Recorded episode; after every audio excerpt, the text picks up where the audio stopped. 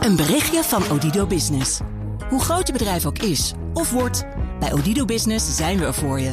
Met unlimited data en bellen en met supersnel en stabiel zakelijk internet. Ook via glasvezel. Ontdek wat er allemaal kan op odido.nl/slash business. Het kan ook zo. Dit is deel 2 van de CryptoCast, nummer 239, het podcastgedeelte. In het eerste deel hebben we het gehad over het laatste crypto-nieuws. Je vindt dat als de vorige aflevering in je podcast-app.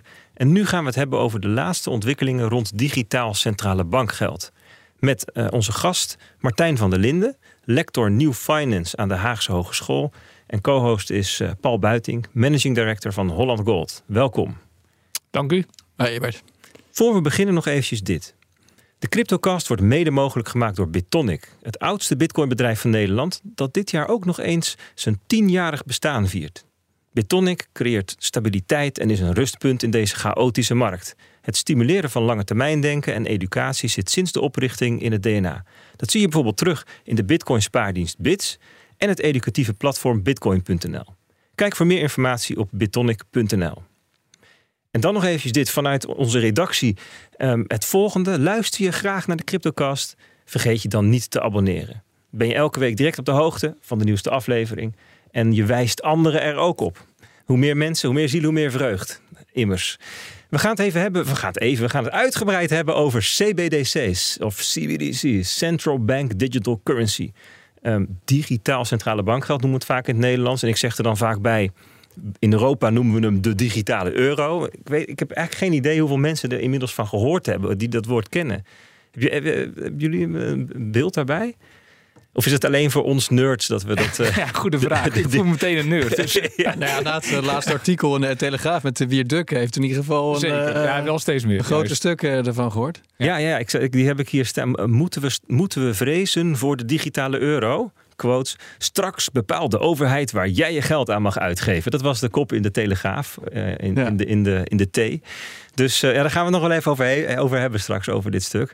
Maar goed, de digitale euro, ja. En, en uh, nou ja, we hadden het al eventjes in de, in, op het radiostuk over... Um, het, het, voor, het voor bespreken van de podcast. Van ja, elk land heeft zijn eigen, is bezig met zijn eigen CBDC.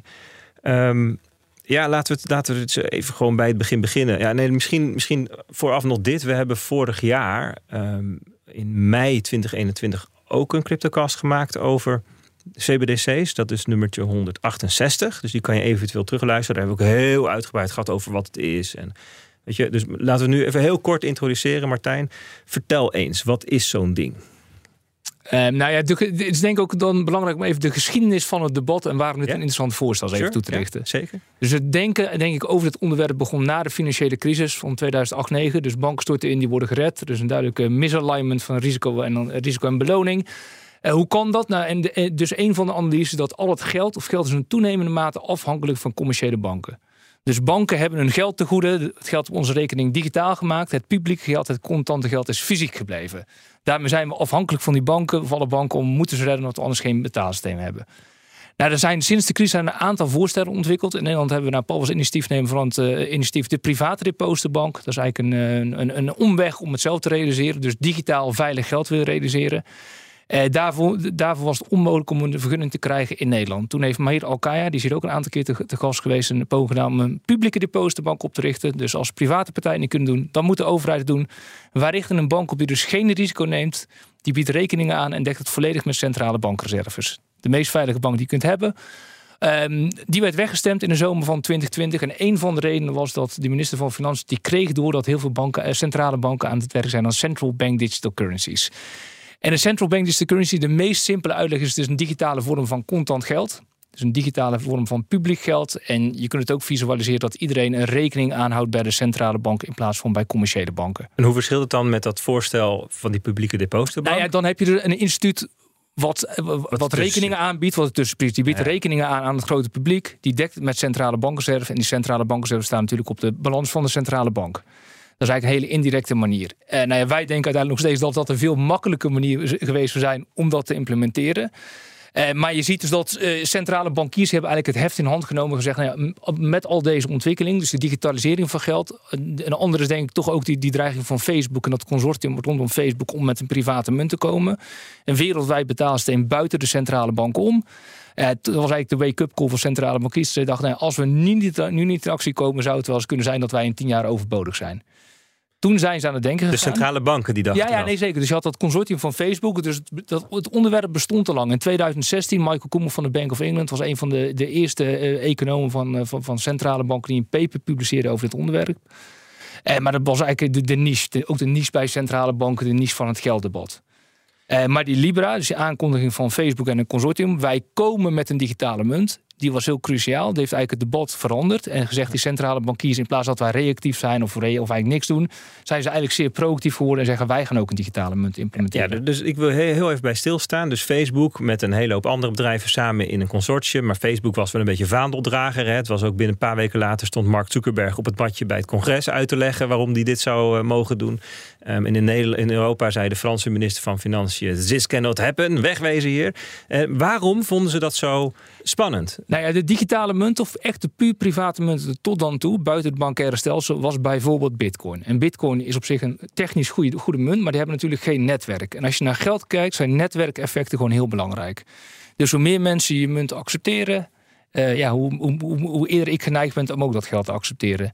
En Facebook, maar er zat ook Uber bij, er zat ook Mastercard bij, PayPal. Nou, van allerlei Amerikaanse techbedrijven, die hadden natuurlijk een mega netwerk. Ja, WhatsApp hè, is natuurlijk onderdeel van Facebook. Dus het, al die diensten, Instagram, al die diensten, ze zouden, en in theorie zou, bestond dus het gevaar dat al die gebruikers van die diensten, zij geven iedereen een wallet, zij ontwikkelen een digitaal wereldwijd betaalsysteem.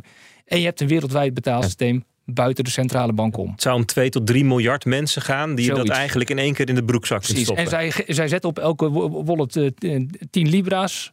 Uh, ja, dan heb je dus ook nog geldcreatie buiten, buiten het huidige stelsel om. En zeker voor internationale transacties zou het ook nog wel eens een heel goed idee kunnen zijn. Snap ik. Hè? Dus uh, ze zien dat zo voor zich. Facebook is in staat geweest om bij miljarden mensen de app op de telefoon te krijgen. En mensen gebruiken dat ook nog eens uren per dag. En dus blijkbaar doen ze dat goed. Dus dan zie je voor, ze, voor je van oké, okay, nou ja, dan hebben ze binnen het kortste tijd zijn ze het belangrijkste geld ter wereld om internationaal dingetjes mee te doen. Of om zeg maar in de virtuele wereld dingen af te rekenen. Dat was nog voordat Facebook zich hernoemde naar Meta. Maar goed, dat, lag, dat hing natuurlijk al wel boven de markt. Dus zeggen centrale banken, dan moeten we zelf wat gaan doen. Precies. En toen zijn die uh, rapporten die eerst in de la verdwenen zijn eruit gehaald. Toen zijn er veel meer onderzoekers opgezet. Uh, bij DNB al zitten er al 10 of 20 onderzoekers op. Bij de ECB echt honderden. Die zijn dus allemaal met het onderwerp bezig om dit te implementeren. En dus er gaat gewoon heel veel energie en tijd zitten. En zij willen het gewoon in de wereld zetten. De, dat is inmiddels duidelijk. Wat ik niet zo goed snap, hè, want jij legde uit van um, elke munt of elke monetaire ruimte heeft dan is, he, eh, wordt gewerkt aan een eigen CBDC. Maar het gevaar van de Libra was nou juist dat het wereldwijd ja, ging werken. Nou dus hoe, hoe is zo'n CBC dan een, nou, Zeker, nee, maar, maar er wordt ook wel bij de Bank of International Settlements, de centrale bank van centrale banken, daar wordt ook wel gekeken of ze niet die centrale banken onderling ook een nieuw betaalsysteem kunnen krijgen om het tussenlanden te settelen. Ja, ik, ik heb dat rapport gelezen over de interoperability. Precies. En er wordt dan geschreven dat je, beschreven dat je allerlei verschillende uh, archetypische uh, uh, CBDC's hebt, die dan zeg maar fundamenteel van elkaar verschillen qua. Dus hoe ga je die dan aan elkaar verbinden? Nou, toen ik dat las, zakte de moed me in de schoenen van dit gaan we voor 2040 niet voor elkaar krijgen. Nee, ik denk vandaag was ook een, een, eh, bericht dat er een experiment was geweest. Voor mij tussen vier centrale banken, gecoördineerd door de BIS. Ik dacht dat het Thailand. Singapore, China en, uh, en de Verenigde Arabische Emiraten was die dan via een DLT, een blockchain oplossing, uh, om nog complexer te maken, uh, een, een, een tijdje lang hadden geëxperimenteerd en iets van 170 miljoen dollar aan transacties was doorheen gegaan. Maar ik ben het met je eens dat dat, dat is bijna onmogelijk, denk ik, om voor elkaar te krijgen. En we gaan misschien nog wel hebben over verschillende manieren waarop je het kunt structureren. Hè? verschillende lagen of weet ik veel. Hè? Maar um, um, dat, dat, dat noemden ze in het rapport ook van dat maakt het ontzettend lastig. Plus de identificatie. En je wil op een, bij een central bank digital currency dat je precies weet wie wat doet. Ja, en hoe ga je, maar je hebt tegelijkertijd ook de zorg om dat te beschermen. Dus hoe ga je dat naar een ander land toe sturen en zo? Dus dat... Zeker, nee, ja. En ik denk op een meer fundamenteel niveau. Je kunt denken dat ze in China in de, in de VS en in eh, Europa een ander soort digitale munt implementeren. Dus ook dat de waarden die eronder liggen, wat vinden wij dat die munt moet doen qua Ja. privacy, qua waarden, hè? Dus niet- waarden, nee, ja. niet, de, niet, de, niet de monetaire waarde, maar, maar- gewoon ja. wat vinden wij rechtvaardig, wat vinden wij een goed stelsel, dat dat per land zou kunnen verschillen. En dan is natuurlijk helemaal die interoperabiliteit is natuurlijk extreem moeilijk te organiseren. Oké, hebben we dat even, even Ja, geschetst? Gaan we even even. één stukje terug? Ja, ja, want hoe is het nou met Libra afgelopen? Nee, uiteindelijk eh, heeft Libra zoveel vragen van allerlei toezichthouders eh, gekregen en wetgevers gekregen dat ze zijn gestopt. Dus ze hebben het eerst hernoemd tot DM.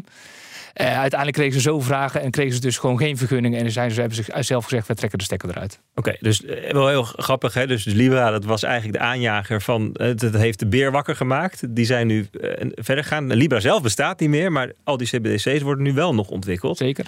Ehm, eh, Maar ook was het natuurlijk een, een eh, gedachtefout van, van Libra om te denken dat je een, een, een munt kunt maken eh, gebaseerd op een mandje, waar mensen wereldwijd mee gaan betalen. Want de meeste mensen hebben gewoon lokaal uitgaven en inkomsten in een lokale munt. Eh, dus als je dan volgens ook eh, gaat sparen in zo'n mandje, dan loop je gewoon een wisselkoersrisico. Dus het, is, het, het was, Nou ja. er was ook helemaal geen behoefte aan in de landen om met zo'n mandje te gaan werken. Dus daar zijn ze later ook op afgestapt. Toen zijn ze teruggegaan. Nou, oké, we moeten misschien een dollar Libra hebben, een euro Libra.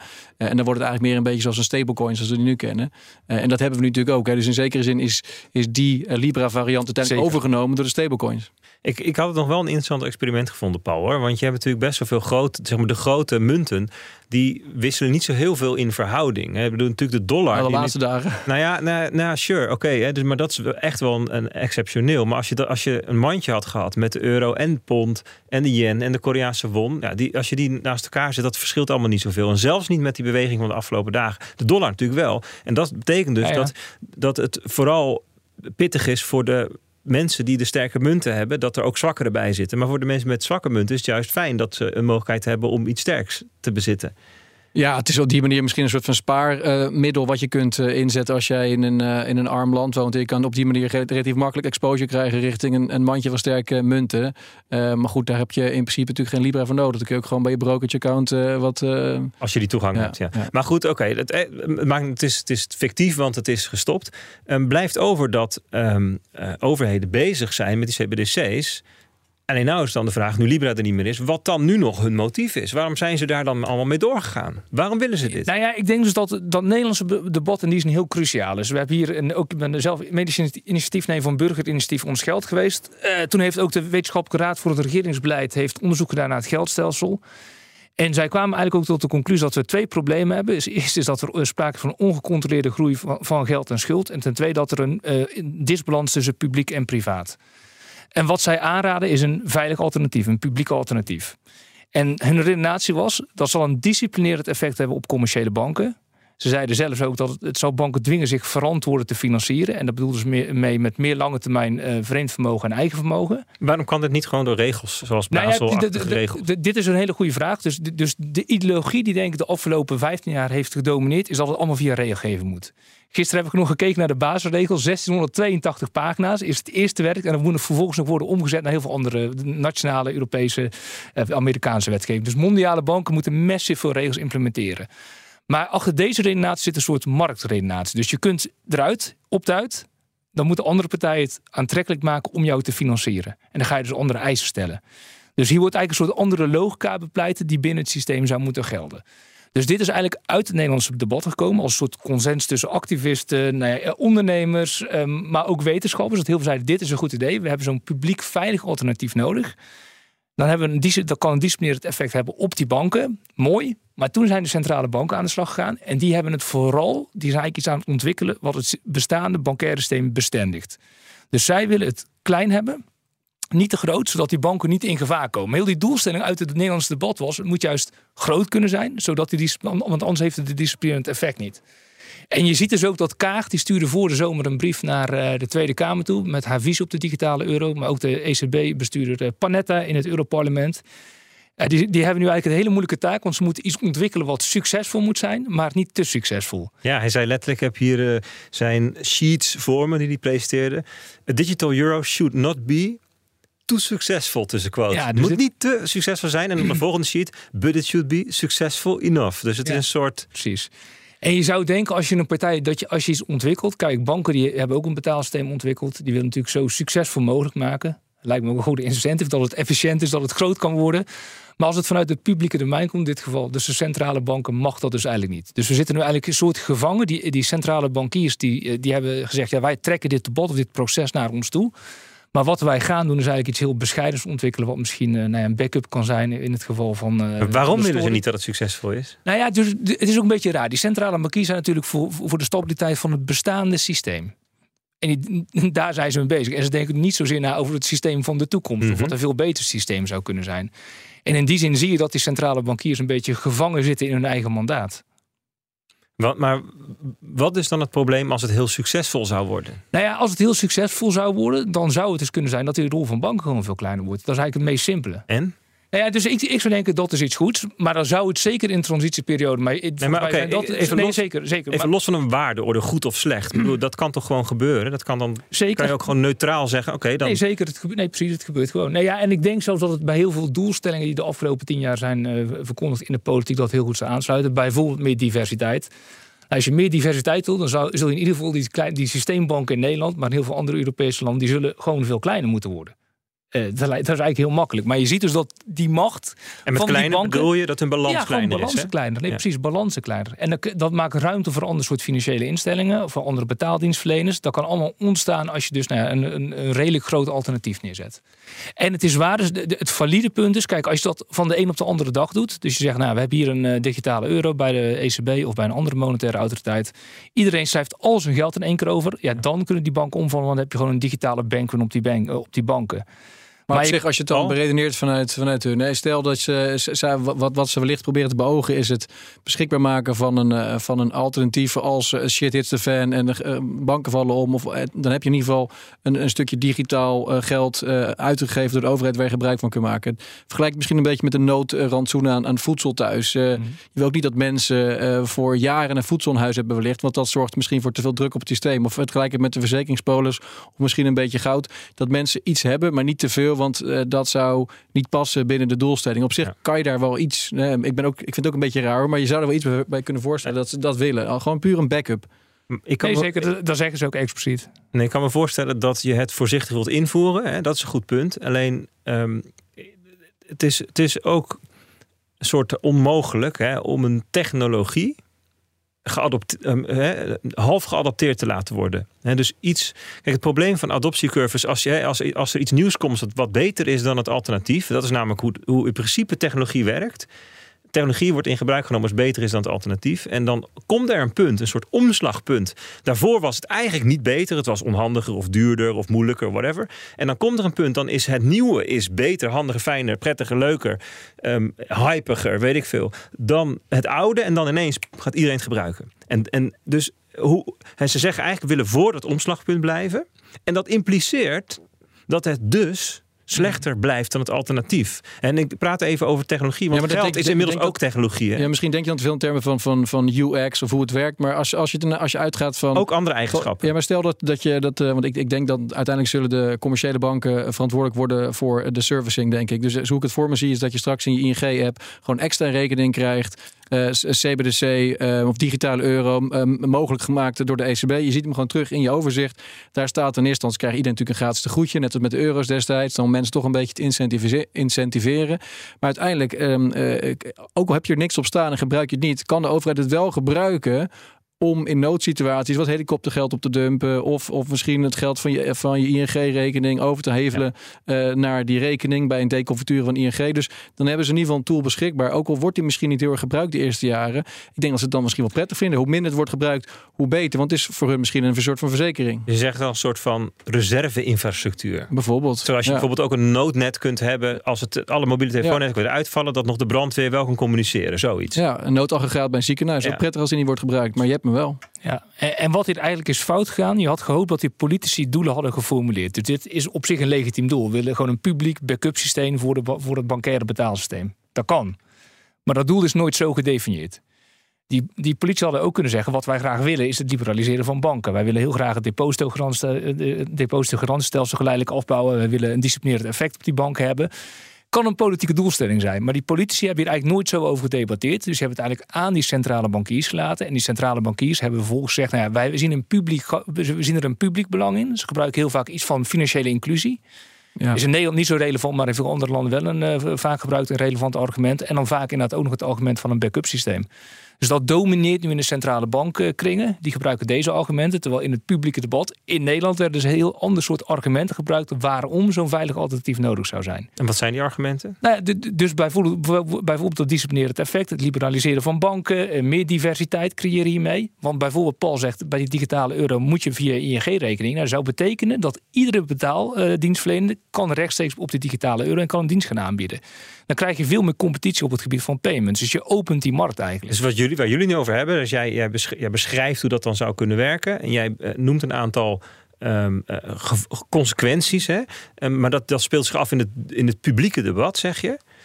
maar niet bij de partijen die bezig zijn met het precies, ontwerp. Precies. En, en, en, waar, en waar kijken die dan naar? Hè? Ik, bedoel, ik heb hier die sheets van het ECB even voor me. En dan, dan noemen ze dingen als. Um, uh, um, nou ja, het cash wat verdwijnt of zo. Precies, het publieke belang van geld noemen ze. Ja.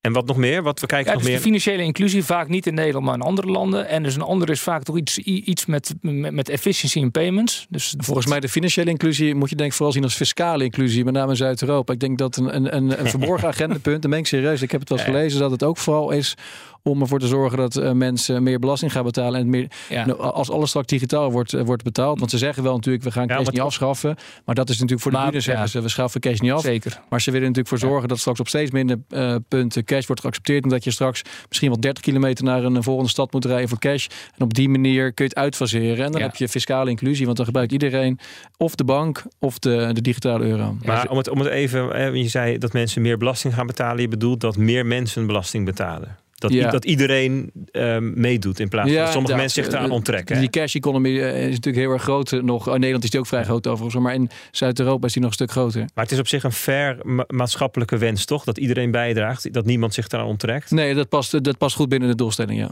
Ja, ja. ja en toen nog een ander argument. Bijvoorbeeld in de VS heeft wel 7% van de mensen heeft geen bankrekening.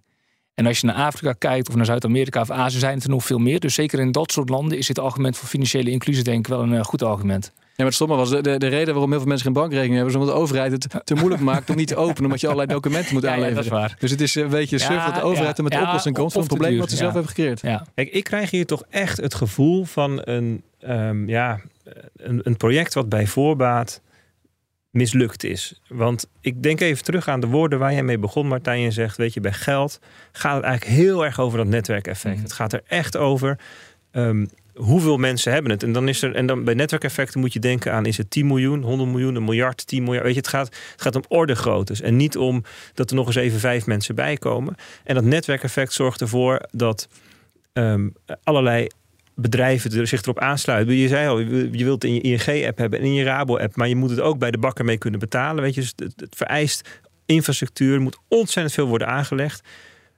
Hoe ga je dat doen als ze eigenlijk zeggen, je we willen dat mensen niet gaan gebruiken? Dat is toch tegenovergestelde van netwerkeffect? Uh, zeker, nee, zeker. daar zit iets heel paradoxaals in. Daar klopt iets niet. En het, het, zou kunnen zijn dat ze achter de schermen andere debatten voeren. Bijvoorbeeld uh, Miguel Fernandez Ordóñez, de voormalig voorzitter van de Spaanse centrale bank, die ik uh, nou, af en toe mee van gedachten wissel. Die denkt dat, die denkt dat het eerst limited zal worden geïmplementeerd. Dus heel beperkt, niet zo succesvol. Maar als je dat eenmaal hebt, dan staat, dan staat, staat de wetgeving, werkt het technologisch. Daarna kun je gaan denken over volledige implementatie. Een soort van Trojaans en het zou wel heel, het zou natuurlijk heel uh, ook een beetje naïef zijn van ons om te denken dat dit soort gesprekken niet binnen de ECB worden gevoerd. Maar, maar dus daar zitten ook mensen die natuurlijk groter kunnen denken, die ook dit als een stap naar iets anders zien. En zoals zo vaker met centrale bankiers, als je publiek interviewt of ze vertellen iets uh, aan publiek, dan uh, praten ze met heel veel middelde mond.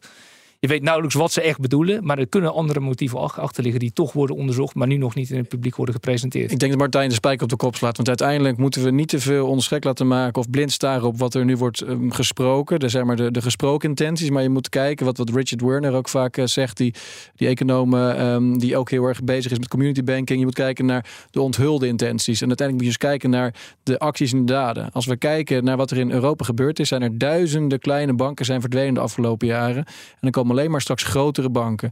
Je zou, als je die lijn doortrekt en als je ook kijkt naar hoe, de, hoe Brussel en Frankfurt eh, de afgelopen jaren hun macht hebben uitgebreid, zou het mij niet verbazen dat het voor veel centrale bankiers inderdaad een droom is om uiteindelijk uh, um, dit groot te maken, de digitale euro. En nu naar de, voor de bühne en ook om de, om, de, om de bank een beetje te pleasen, houden ze het klein. Maar als het eenmaal staat en het is ingevoerd, uh, dan kunnen ze van alles mee gaan doen. En die, die zorg heeft bijvoorbeeld maar hier Alkaya en ik deel die zorg. Dus dan, ga, dan zeg je, ze houden het nu klein om de banken en de bankenlobby. En ja. je, al het hele apparaat wat daaraan vast zit, ongelooflijk veel macht om die nu even uh, binnen Ja. de een beetje, beetje Pleasen, ja. En misschien om het publieke debat te smoren. Hè? Want daar komen natuurlijk mensen met allerlei. Ehm, nou ja, eh, eh, nou, wat- zorgen zou ik zeggen. We komen met zorgen. Hè? Maar Hiokaya is er ook eentje van. Die zegt van ja, het zou bepaalde dingen kunnen hebben. Misschien is dit ook wel een leuk moment om heel even terug te grijpen naar het artikel van De Telegraaf. hè? Over zorgen gesproken. Ja, goed, je kunt zeggen over de Telegraaf wat je wil, maar ze zijn vaak wel heel goed in het ehm, opschrijven wat de onderbuik is van mensen. Ehm, straks bepaalt de overheid waar jij je geld aan mag uitgeven. Nou, en toen ontstond er een gesprekje op Twitter. Matthijs Bouwman, bekende econoom, Nederlandse econoom, die zei daarover. Houd toch op. CBDC als instrument om ons gedrag te sturen is een simplistische complottheorie. Ja, kijk, eh, natuurlijk eh, zijn er allerlei mensen die eh, ehm, de, de doemscenario's uitvergroten. ehm, eh, maar Martijs die kijkt gewoon ook niet wat, wat de werkelijke feiten zijn. Kijk bijvoorbeeld wat er in Canada gebeurt met die drukkers. waarbij ook rekeningen werden, werden bevroren. In, in, Nederland zijn er ook talloze verhalen bekend. Als je cryptobetalingen doet, dat je rekening ineens wordt bevroren. Barbara Baarsma sprak nog over, over een CO2-budget. In de papers van de BIS en de ECB wordt gesproken over hoe ze, het, hoe ze met eh, rentevergoedingen kunnen gaan werken om het gebruik af te remmen, hoe ze met limieten kunnen gaan werken. De, de, de, ehm, er zijn, die tools zijn er straks en er wordt nu al misbruik van gemaakt. Dus ik denk dat het heel erg naïef is om te veronderstellen dat de overheden het niet gaan doen. We moeten ook ervoor waken om, om ons niet mee te laten slepen in, in extreme complottheorieën over dat, eh, dat, dat ze niks liever willen dan onze leven compleet te controleren. Maar eh, hoe Matthijs in de wedstrijd staat, vind ik naïef. Hoe kijk je daarnaar, eh, Martijn? Eh, ik ben het grotendeels met Paul eens. En enerzijds, kijk, de overheid bepaalt natuurlijk aan, best, met best veel, eh, best veel, op best veel manieren hoe we geld op besteden. Dingen zijn verboden of via het fiscale systeem. Dus enerzijds gebeurt het al. Het is gewoon een fact of life. En anderzijds, kijk, zo'n central bank digital currency maakt, eh, ja, biedt allerlei nieuwe mogelijkheden om het te intensiveren. Dus dat je veel meer kunt controleren, veel meer geld kunt sturen. En ik denk, denk in dat daar de wenselijkheid, dus dat het daar vooral over moet gaan, willen we dat? Eh, en daar weer wederom het proces hoe het hier gaat, is gewoon heel fout. Ze hopen dat de politiek zeg maar, hierover discussieert. Kaag zegt nu wel in haar brief aan de Tweede Kamer dat inderdaad het, is, het zou democratische grond moeten zijn, deze digitale euro. Maar als we naar het feitelijk kijken hoe het is ontwikkeld de afgelopen twee jaar, zien we gewoon dat de politiek heel erg achter die centrale bankiers aanhobbelt. En dan maak je eigenlijk ook de ruimte dat deze complottheorieën kunnen ontstaan, of deze nou ja, kunnen ontstaan. Uh, en het is eigenlijk gewoon dus de, de, fout van die politici. En dat is misschien wat ik ook nog even op Paul wil reageren. Dus ik ben ook niet zozeer bang voor die centrale bankiers. Ik vind het vooral, en dat is eigenlijk al sinds de financiële crisis, dat die politici heel tijd veel te weinig doen. Zij hebben helemaal geen visie of geen beeld bij waar het heen moet. Dus kunnen ze er ook geen richting aan geven. Zij zijn altijd afhankelijk van, van allerlei technocraten. Waar allerlei belangen spelen en allerlei gesprekken worden gevoerd die wij niet kunnen inzien. Wij weten gewoon niet wat er wordt gezegd bij de ECB. En het is dus vooral zaak om dit onderwerp in de politieke arena te krijgen. Nou, hier, hier wil ik even op verder gaan. Tussendoor zou ik, dit is toch de CryptoCast immers, nog wel even willen inbrengen. Hè, dat een van de ja, gedachten achter Bitcoin is dat je heel expliciet scheiding maakt tussen het geldsysteem. Ja. En, en, en datgene wat we als wat landen, verschillende landen daarmee doen. En je zegt eigenlijk, het geldsysteem heeft geen mening over waar je het geld aan kunt besteden. En daar dus ook verder geen. En die kan daar verder ook niks aan doen. Heeft geen toestemming te vragen. En dat is in die zin neutraal. Hè. Het, het, het behandelt elke transactie gelijk. Maar dat zegt niet dat je met Bitcoin geen belasting kunt heffen. Of dat je niet kunt zeggen waar je het aan kan besteden. Dat moet je namelijk doen op overheidsniveau. Daar kun je wetten voor maken, of begrotingsregels, of belastingregels. En dat, dat is dus um, zo ontzettend expliciet gescheiden. Dat, die, dat is een onoverbrugbare kloof zit daartussen. En dat is goed, omdat je dan voorkomt dat um, ergens op een bepaalde plek zeg maar, het, iets in het geld wordt geprogrammeerd zonder dat de politiek daar een uitspraak over heeft gedaan. Dan verwijzen ze bijvoorbeeld naar die Canadese truckers, waar eh, die rekeningen bevroren zijn geweest zonder dat een rechter zich heeft gebogen over die zaak. Dat is gewoon één knop ingedrukt, poef, en het, en het is geregeld. En dus dat is even, um, even, even helemaal het perspectief van Bitcoin hiernaast gelegd. Mhm. Nou, je had het net over um, de politiek en technocraten. En ik zou graag wel eens, zou je ons eens wat kunnen uitleggen wat je bedoelt met technocraten. Wat, wat zijn technocraten? We horen dat heel vaak. Hè? Oh, dat wordt besloten door de technocraten. Maar wat is dat nou eigenlijk? Ja, technocraten zijn feitelijk specialisten die niet gekozen zijn. Dat is denk ik wat de, de, de meest uh, simpele definitie is. En nou, in de economische of in de economische sfeer zijn het dus denk ik vooral centrale bankiers en toezichthouders. Die dus van allerlei adviezen uh, schrijven hoe het zou moeten gaan, maar die helemaal niet gekozen zijn. En je zou dus hopen, wat ik net al zei, dat gekozen politici, dus in het Europarlement of in de Nederlandse Tweede Kamer, dat die eerst debatteren over onderwerpen. Daar volgens bij de digitale euro zeggen: dit moeten de doelstellingen zijn. En dat dan vervolgens technocraten gaan kijken hoe gaan we dit invullen. Mm.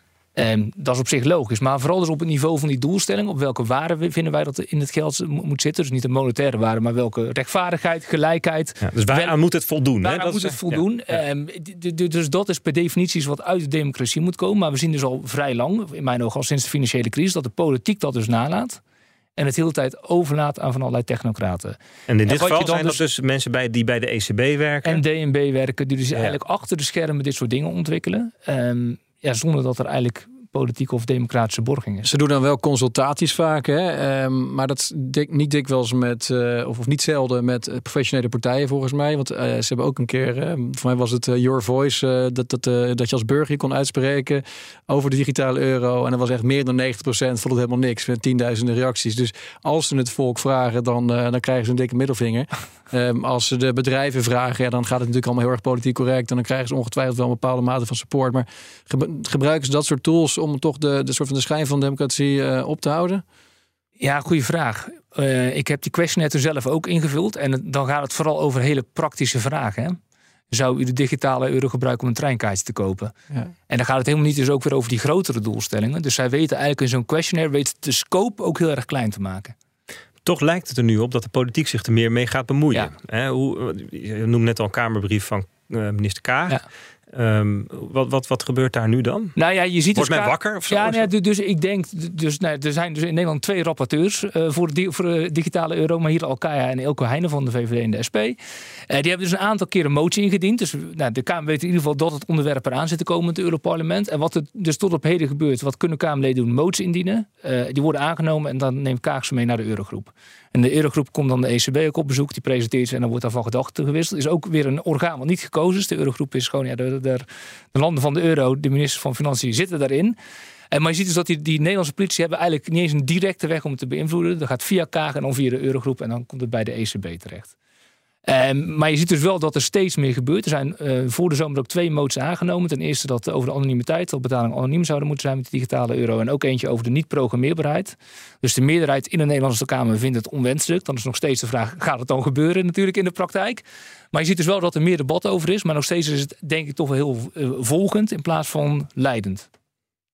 Ja, de niet-programmeerbaarheid, dat vind ik dan interessant. Want het is natuurlijk technologisch gezien altijd wel mogelijk. Alleen je kiest er dan nu voor om het niet te doen. Precies. Toch? Want Precies. Dus ik, ik, ik herinner me ook dat ja. um, het ontwerp van de Chinezen, de, de e-renminbi heet die geloof ik, daar heeft men ook gezegd van nou, we kunnen daar rente in bakken in het geld, hè, maar we kiezen ervoor om dat op nul te zetten. Ja. Nu. Ja.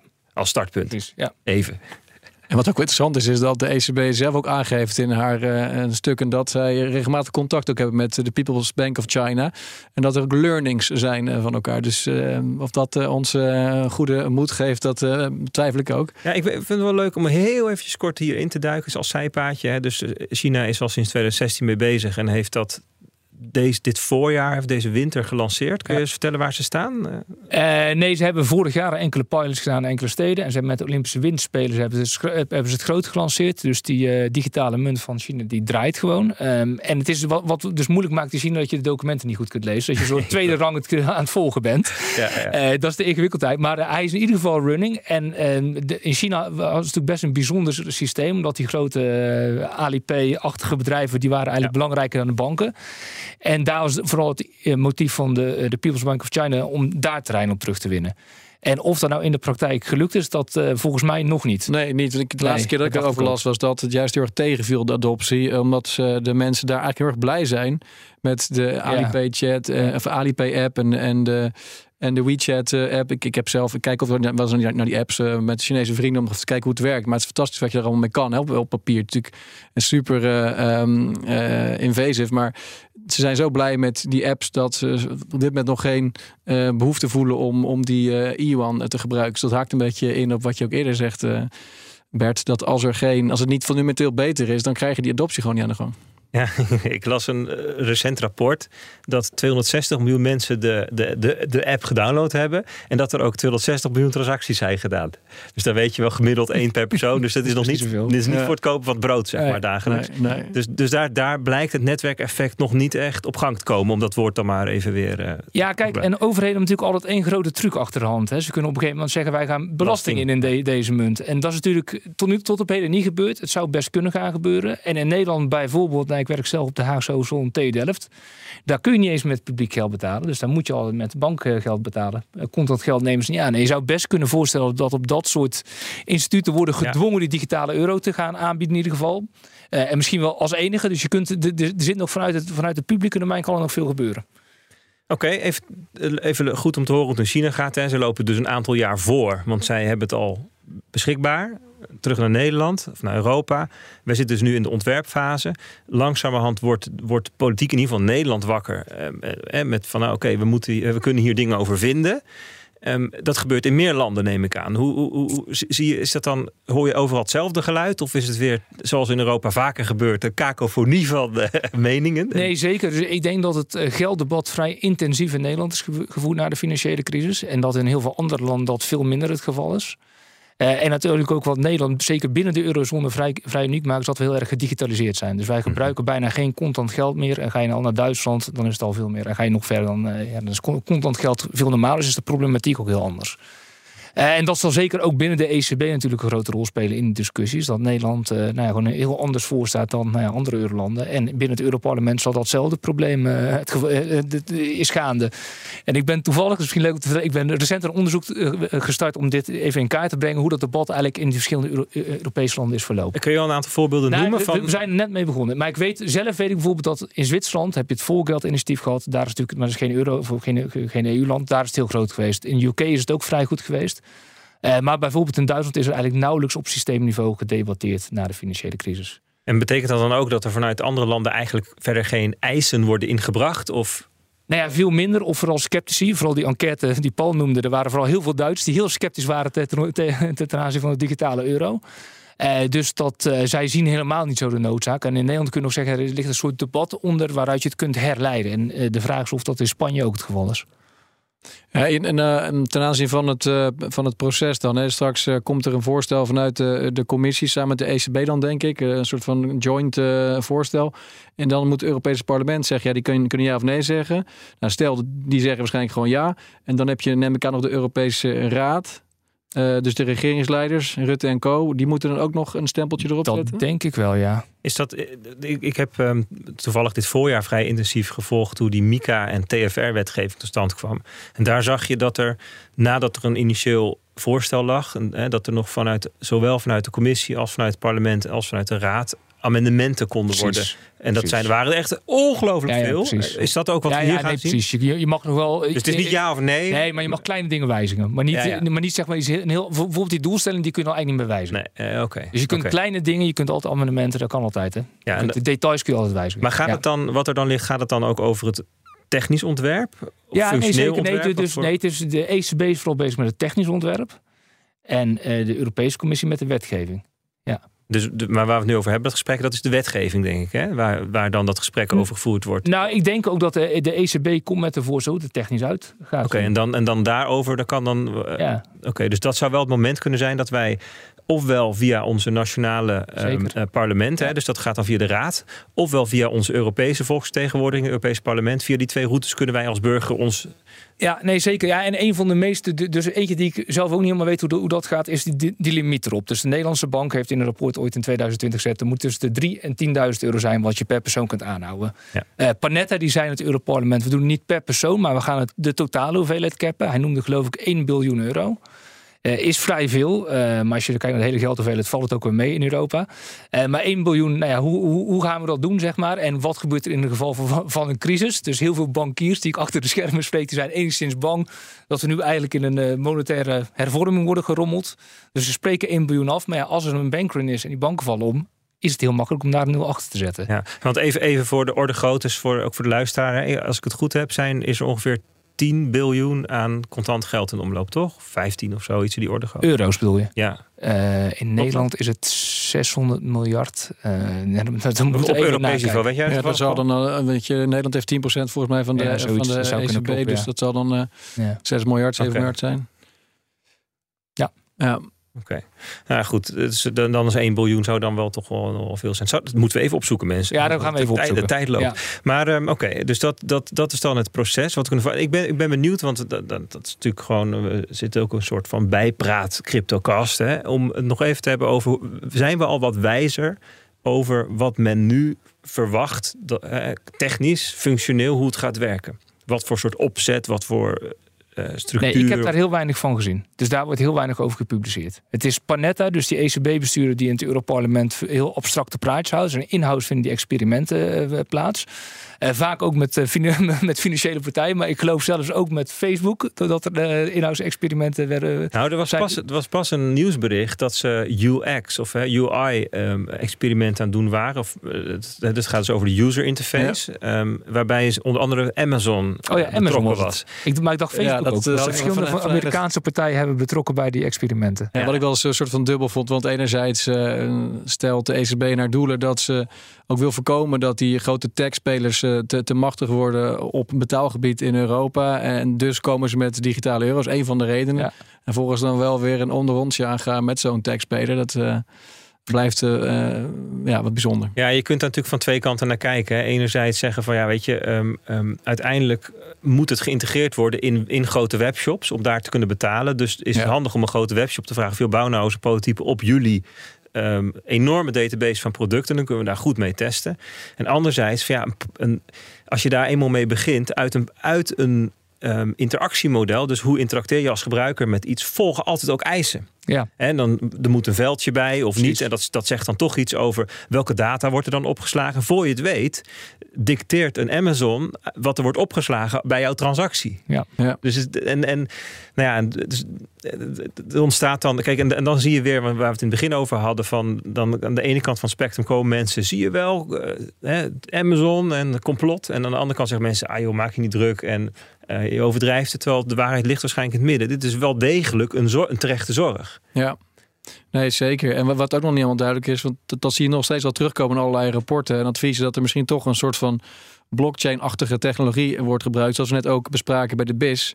Dan kan ik me dat nog voorstellen als je met meerdere centrale banken werkt die elkaar niet per se vertrouwen, dat dan een, een DLT-oplossing nog voor de hand ligt. Maar ik kan, kan me toch niet voorstellen dat, dat de ECB kiest voor een, eh, voor een blockchain-oplossing als ze zelf gewoon die database kunnen eh, beheren, toch? Ik weet niet hoe jij het ziet, eh, Bert.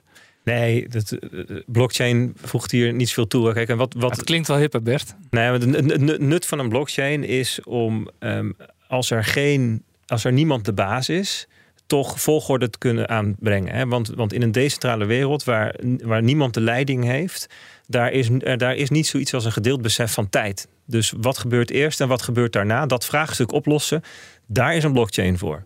Nou, als je, op het moment dat je wel een centrale partij hebt, namelijk een centrale bank, dan heb je dus bij voorbaat al niks aan een blockchain. In de zin ehm, hè, dat je die, de- dat ordeningsprobleem moet oplossen. Wat je, wat je wel kunt doen, is allerlei andere dingen uit, uit de crypto-technologiehoek lenen. Je kunt natuurlijk van alles doen met UTXO's, met asymmetrische cryptografie, met programmeerbaarheid, smart contracts. Zijn Allemaal dingen zijn hartstikke interessant om te zeggen dat dat pak ik, dat pak ik. En nou ja, misschien straks decentrale identiteit. Helemaal hartstikke goed. Blockchain is ongeveer het enige wat je niet, wat je niet nodig hebt.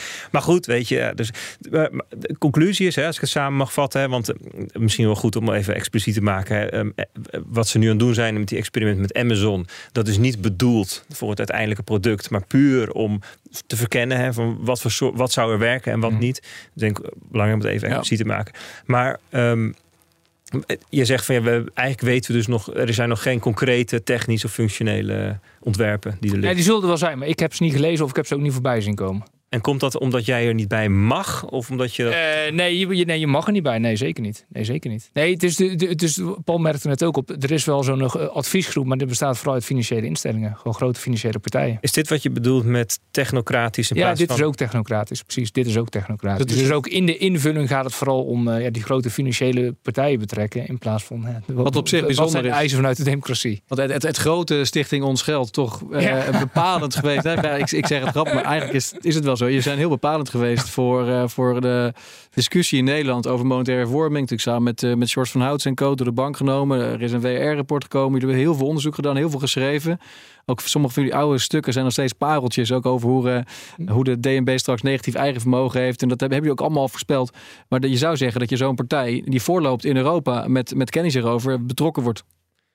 Toch? Nou, zeker. Het is, het is misschien ook wel leuk om te vertellen. Ik heb de afgelopen weken met een aantal directeuren van een soort van eh, NGO's, uh, dus in, in de wereld van banken en monetaire hervorming gebeld. En een aantal zijn zich steeds meer op nou, duurzaamheid gaan ontwikkelen en op inclusie en diversiteit. En die weten best wel funding binnen te halen. En ook binnen die, al die clubs zie je wat er discussie is ontstaan. Ons is eigenlijk al het vrij radicaal bij gewoon technische monetaire hervorming, publieke geldcreatie, digitaal veilig geld en het liberaliseren van banken gebleven.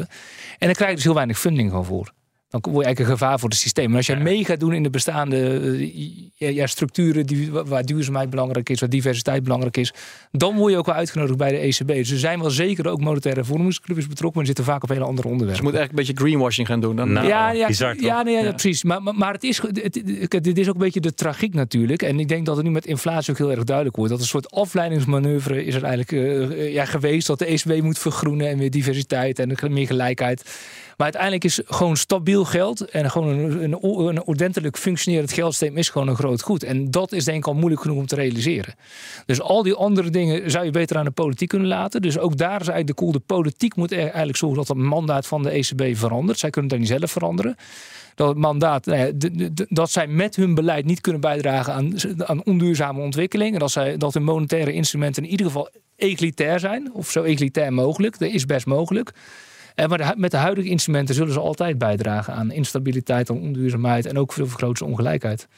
Dus het zit veel meer op het politieke niveau waar volgens mij de verandering vandaan moet komen. De centrale bankiers zitten gewoon met hun handen, ja, handen vast, geboeid. Ja, ja oké. Ik denk dat het een hele mooie eh, afsluiting is van de schets van hoe we er hier in Europa voor staan.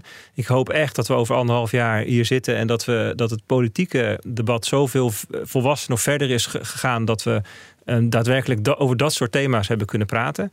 Um, dat gaan we dan uh, tegen die tijd zien. Ik zou het voordat we afsluiten uh, met, uh, met deze podcast nog wel interessant vinden om iets te kijken ook naar de Verenigde Staten. Want Um, ik denk, um, nou ja, als we een half jaar geleden hier hadden gezeten, hadden we gezegd ja, daar, daar is eigenlijk nog helemaal niks op gang gekomen. Hè. Ik bedoel, in Nederland zaten we dan, of in Europa zaten we in de experimenteerfase. Um, uh, sommigen waren aan het implementeren. China was dan als eerste al net geïmplementeerd. En in, in de VS was nog niks bekend. Nou, inmiddels heeft Biden daar met zijn executive order iets in gang gezet. Namelijk, jongens, we willen van, ik geloof, 21 overheidsinstituten weten wat jullie ervan vinden. Um, in, die, in die tijd schreef um, um, Neil Ferguson nog van... joh, als Amerika slim is... Ja, ze helemaal geen CBDC bouwen, maar dan pakken ze gewoon die, die stablecoins. Die brengen ze heel strikt onder uh, uh, re regulering. En dan nou ja, dan, dan is dat hun digitale munt. Hoe, waar staan... Is Paul zijn droom, daar staat Paul eerst.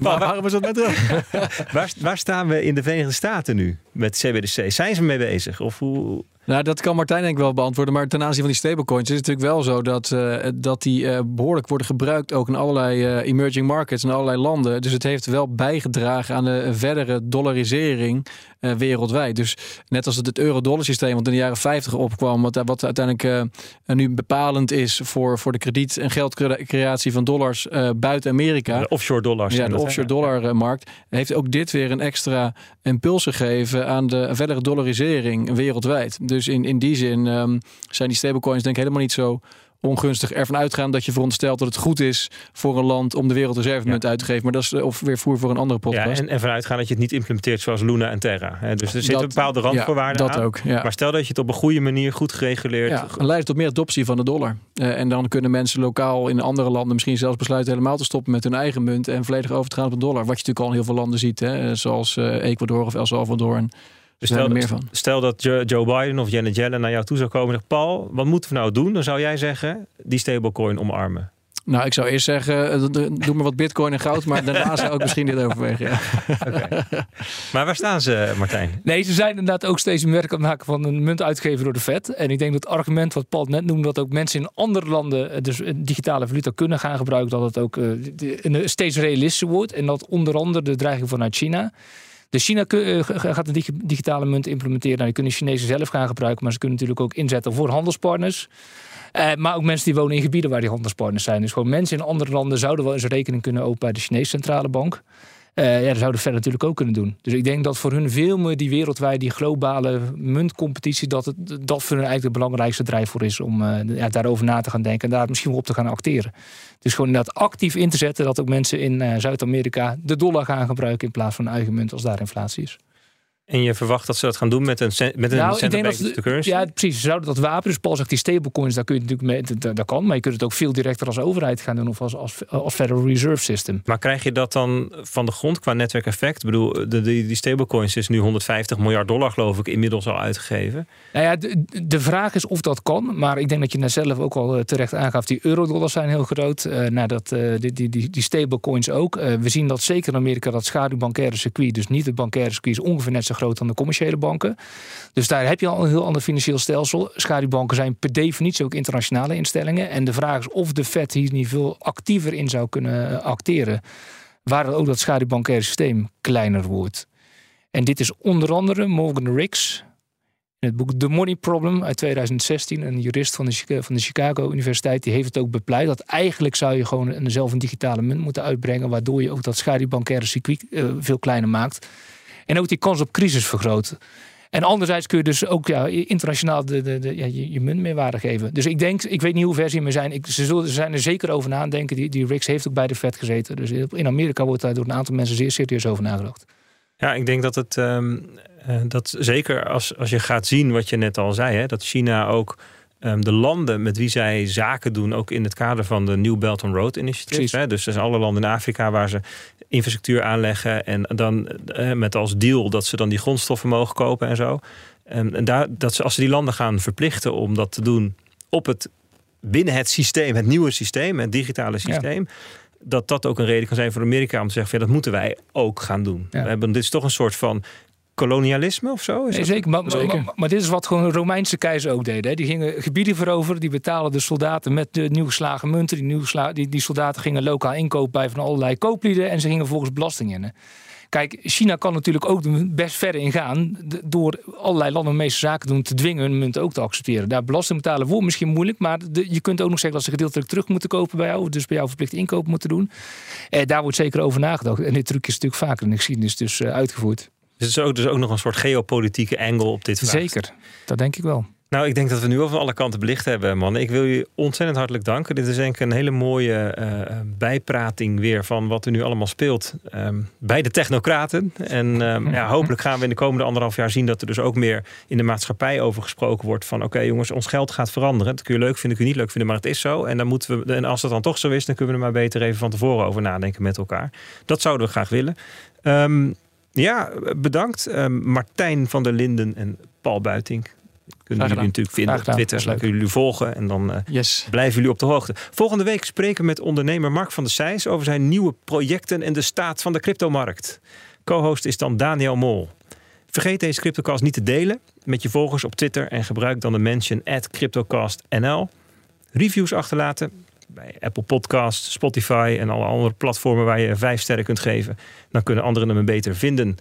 Ehm, ja, en natuurlijk ook een reactie achterlaten op YouTube is ook leuk. Dan horen we wat je ervan vond.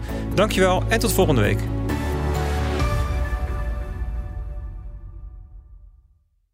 Een berichtje van Odido Business. Hoe groot je bedrijf ook is of wordt, bij Odido Business zijn we er voor je. Met unlimited data en bellen en met supersnel en stabiel zakelijk internet. Ook via glasvezel. Ontdek wat er allemaal kan op odido.nl/slash business. Het kan ook zo.